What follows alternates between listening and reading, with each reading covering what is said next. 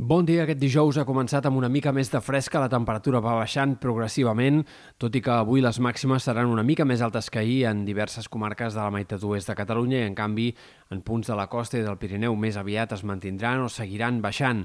Esperem un dia avui més assolellat que ahir en general, amb més clarianes, tot i que a la tarda cal esperar alguns ruixats al Pirineu i en comarques eh, interiors de Girona, sobretot, sectors del Terç Nord, on alguns xàfecs poden ser intensos a partir del migdia i de cara a la tarda.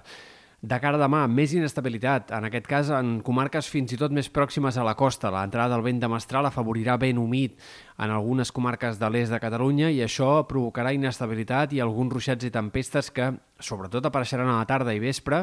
però que ja al matí en alguns punts de la costa podrien aparèixer de forma més aïllada. Atents, per tant, a sectors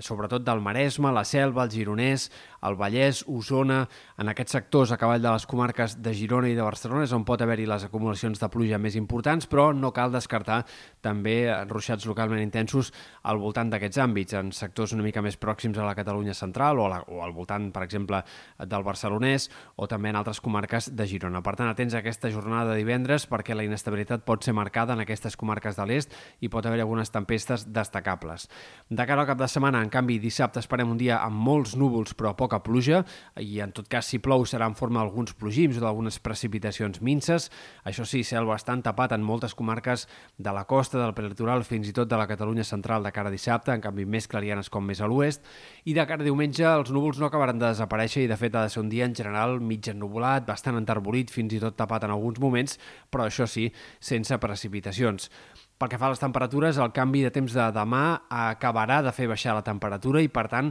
el cap de setmana serà el moment d'aquesta setmana en què tindrem més sensació de final d'estiu, fins i tot d'inicis de tardor en alguns indrets, sobretot a prop de la costa i sectors del Pirineu, on la, els núvols abundants faran que dissabte la temperatura quedi molt frenada al migdia i, per tant, la sensació de final d'estiu, principis de tardor serà més evident que en cap altre moment de la setmana.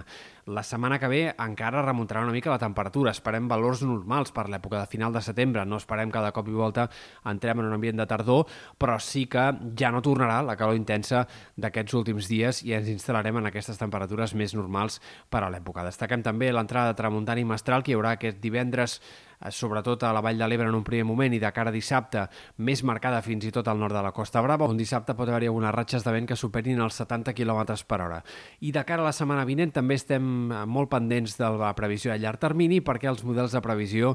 encara apunten a, a molta incertesa, però van dibuixant un possible escenari de nova inestabilitat i noves pluges de cara al tram final de la setmana que ve, sobretot a partir de divendres, dissabte i diumenge. Insistim que encara és aviat per precisar res sobre tot això, però és veritat que hi ha alguns símptomes d'inestabilitat de cara al tram final de la setmana que ve que haurem d'anar veient si es van confirmant i arribaria una possible tongada de pluges o si s'aniran diluint.